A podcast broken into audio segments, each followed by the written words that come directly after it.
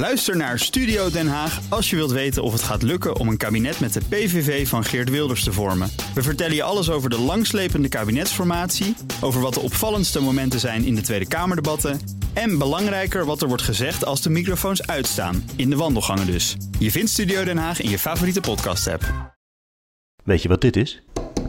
De Dutch Podcast Award 2022 in de categorie Nieuws en Politiek. We hebben hem dankzij jullie gisteravond in Hilversum in ontvangst mogen nemen. En hij staat nu op mijn bureau. En omdat Rob en Arjan vandaag weer ergens anders zijn, gaan we dat later met elkaar nog even vieren. Maar voor nu, van mij, dank aan alle stemmers en luisteraars die het samen met mij al 265 dagen of nog langer uithouden met Rob en Arjan. BNR Nieuwsradio. Boekenstein en de Wijk. Hugo Reitsma. Dit is een extra uitzending van Boekenstein en de Wijk in verband met de oorlog in Oekraïne en de crisis met Rusland. Het is dinsdag, dag 265 van de invasie. En trouwe luisteraar Jeff vraagt ons de gevolgen van alle geopolitieke veranderingen en crisis zijn groot. Sommige landen overkomt dit en andere weten de situatie heel gericht te gebruiken. Ten slotte, never waste a good crisis. Welke landen hebben tot nu toe de crisis goed benut? En op welke punten zou Nederland zijn voordeel kunnen doen met deze situatie? Mm, goeie vraag hoor. Ja, nou in ieder geval, Turkije heeft natuurlijk zeker garen bij gesponnen, hè? dat is duidelijk. Die noemt Jeff ook al inderdaad, dat is het eerste waar je aan denkt. Hè? Ja, ja dus gewoon via de graan en, en het spelletje tussen, tussen de NAVO en Rusland, dat doet eh, Erdogan heel aardig. En dat terwijl zijn economie totaal op zijn gat ligt. Hè? Ja. En verder denk ik dat Zweden en Finland er ook, uh, die zijn eigenlijk heel blij dat ze nu op binnenlandse politiek dat NAVO-lidmaatschappen kunnen doordrukken. Ja, dus dat is een goed punt. Ja, dat is een goed punt. Um, maar dat moet natuurlijk wel nog blijken. Daar hebben, daar hebben, ze ook Turkije voor nodig, Erdogan, die dat redelijk blokkeert tot, tot, nu toe. Maar ja, in principe is dat zo. Iran, zou je kunnen zeggen. Ja. er is een, eh, een nauw overleg tussen uh, Rusland en Iran uh, ook over de wijze waarop je sancties technisch kunt omzeilen. dus, die, die gaan, uh, dus hij heeft echt een bondgenoot gevonden, Iran. Uh, kan wapenleveranties doen aan Rusland. dus ik denk, ja, Iran heeft daar dus ook wel voordelen bij. Maar ik denk ook wel, ja, wat denken jullie ervan? Amerika toch ook wel hoor. Ja, Amerika heeft laten zien dat ze toch het enige land zijn dat daar een beetje orde kan brengen in Oekraïne. Hm. Dat is gewoon ja, echt en dat, ja, en ja, afgezien daarvan, maar wat uh, Biden doet is ook ongelooflijk consistent. Hij speelt het stel, spel, vind ik, erg behendig. Uh, is eigenlijk de bepalende factor ook voor Zelensky op uh, de achtergrond. Hij laat het net niet vol, voldoende uit de klauwen lopen. om in oorlog te komen met, met Rusland. hij speelt dat spel van escalatie, de-escalatie ongelooflijk knap. Um, en hij speelt op de achtergrond, denk ik, een hele cruciale rol hoor. Want ik ben heel benieuwd wat er allemaal is gebeurd. Ook met betrekking tot die hele discussie over de inzet van kernwapens. Dat doet hij ook knap. Ja. Ik denk dat het feit dat er geen kernwapens zijn uh, ingezet, komt, nou, als ik dat zo inschat, niet in de allereerste plaats door China. Die zal misschien een kleine rol hebben gespeeld, maar vooral door Amerika, die gewoon heeft aangegeven van, uh, jongen, als je dat gaat doen, dan dreigt er dit en dat. Hè, bijvoorbeeld grote cyberaanvallen.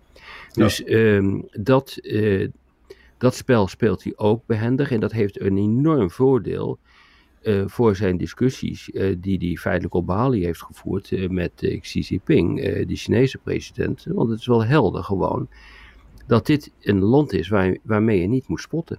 Ja. Exact. Ja. Er wordt ook gevraagd wat Nederland uh, voor voordeel zou kunnen uithalen. Het is een beetje lastig om voor voordeel. Ja. Maar, maar, je kan wel misschien wel dit zeggen van uh, de, onze, de pacifistische krachten in onze parlement zijn hierdoor beteugeld. Tijdelijk is dat altijd maar natuurlijk, want het komt dan ja. weer terug natuurlijk. Hè.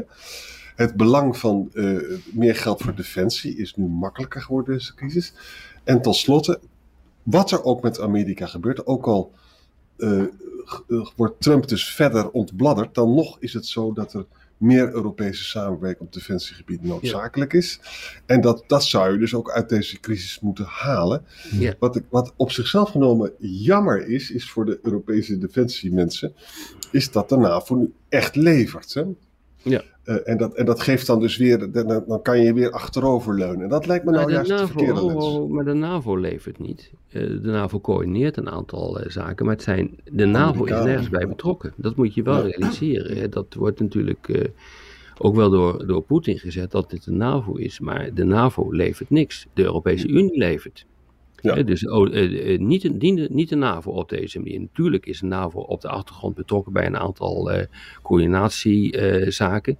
maar de levering van wapens, of althans het geld voor wapens, geschiet, via, geschiet via de Europese Unie. En dat is ongelooflijk Dat is een novum, is dat? Ja. en de les is, daar moeten we vooral mee doorgaan. Ja, dus wie, wie, ja, als je naar Europa in algemene zin kijkt, dan is Europa denk ik het zorgenkindje.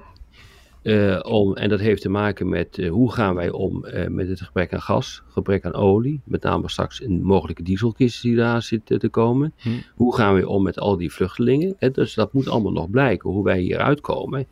Maar als er één deel van de wereld echt onder druk staan, en dat is natuurlijk logisch, dan is dat Europa, omdat het namelijk in Europa gebeurt, deze crisis. we liggen aan het front. En wat dat betreft dit Amerika het veel makkelijker, omdat hij gewoon niet, voor, ja, niet, niet, ja, geografisch heeft hij een enorm voordeel. Je zou misschien nog kunnen denken, omdat energie in Europa nu vooral zo duur is, zeker vergeleken met de VS, mhm. dat je hier dan een, snellere transitie krijgt naar duurzame energie, waar we dan later weer profijt van hebben. Ja, dat zou heel goed uh, dat kunnen, dan nog dat dat het geval is. Uh, dat zou heel goed kunnen, ja. En wat je misschien ook nog zou kunnen zeggen, het is toch een wonder hè, dat het, die eenheid van de EU, hoe, hoe zeer die ook op druk staat, hoe lang die nog bestaat. Hè? Want we hebben gigantisch hoge energieprijzen. Dus kennelijk is, zijn toch de middelpuntvliedende krachten, die altijd hoog worden ingeschat bij Europa, die vallen uiteindelijk toch mee. Althans, tot zover. Het is wel echt verbazingwekkend hoor, hoe, uh, hoe iedereen de boel toch bij elkaar weet te houden. En ook omgaat met iemand als Orbán, die over een status apart heeft met betrekking tot die levering van olie en gas heeft, uh, heeft afgedwongen, hoe daarmee wordt omgegaan. Ik vind dat wel verbazingwekkend. Het is ook wel verbazingwekkend hoe de bevolking van Europa, ondanks uh, de, de hoge energieprijzen, toch gewoon in, gro in grote getalen wel achter uh, uh, het beleid blijft staan. Ik vind dat wel, wel verbazingwekkend. Dus het is wel bemoedigend hoor, bemoedigend ja. hoor, moet ik zeggen. Ook, ook onder Scholz, weet je, die werd feestelijk bekritiseerd een paar maanden ja. geleden. Die is toch heel duidelijk Europees gaan denken en ook de Oekraïne echt gaan steunen. Mhm. Macron eh, doet het beleid en Marine Le Pen hoor je helemaal niet meer. Meloni luistert echt naar Draghi op dit punt, is Zeker. Atlantisch. Hè? Ja. Dat had allemaal zoveel slechter gekund, jongens. Ja, ja, ja. ja. ja. nu is de grote vraag nog, uh, wanneer gaat uh, Erdogan overstap met betekent tot lidmaatschap van Zweden en Finland? Ik denk dat is een hele belangrijke vraag. Ja, ja wat hij dus, hij wil dus een aantal van die uh, Koerdische strijders wil hij ook echt uit Zweden halen. Hè? Ja. En ik ben bang dat dat ook gaat gebeuren, eerlijk gezegd. Het is het zo belangrijk. Kunnen. Het zou goed kunnen, ja. Maar dat betekent wel dat Zweden en Finland worden echt lid. Ja. En dat is een ontzettend gezichtsverlies, voor, of, of ja. machtspositieverlies van. Ja, dat is echt zo. Maar goed, uh, Poetin uh, die verliest hier, die, ja, zo, voor zover we het nu kunnen inschatten, glazen bol hebben we niet. Het zit wel echt een hele grote klap nu hoor, wat er aan de hand is uh, voor Poetin. Zeker. En dat laatste betekent dus ook weer dat je niet verbaasd moet zijn dat misschien de, uh, de centrifugale krachten in Rusland ook veel groter zijn dan wij nu inschatten. Hè? Ja, kan van alles daar. Ja, nu is van alles, alles aan ja, Dat hebben we gisteren ook geconstateerd. Nu is echt alles mogelijk. Spannend hoor. Ja. En dank jullie wel weer. Ja, tot morgen. Tot morgen. BNR ben je altijd als eerste op de hoogte van het laatste nieuws. Luister dagelijks live via internet. Bas van Werven. En heel langzaam komt de zon op rond dit tijdstip. Je krijgt inzicht in de dag die komt op BNR, het Binnenhof in Nederland en de rest van de wereld. De Ochtendspits. Voor de beste start van je werkdag. Blijf scherp en mis niets.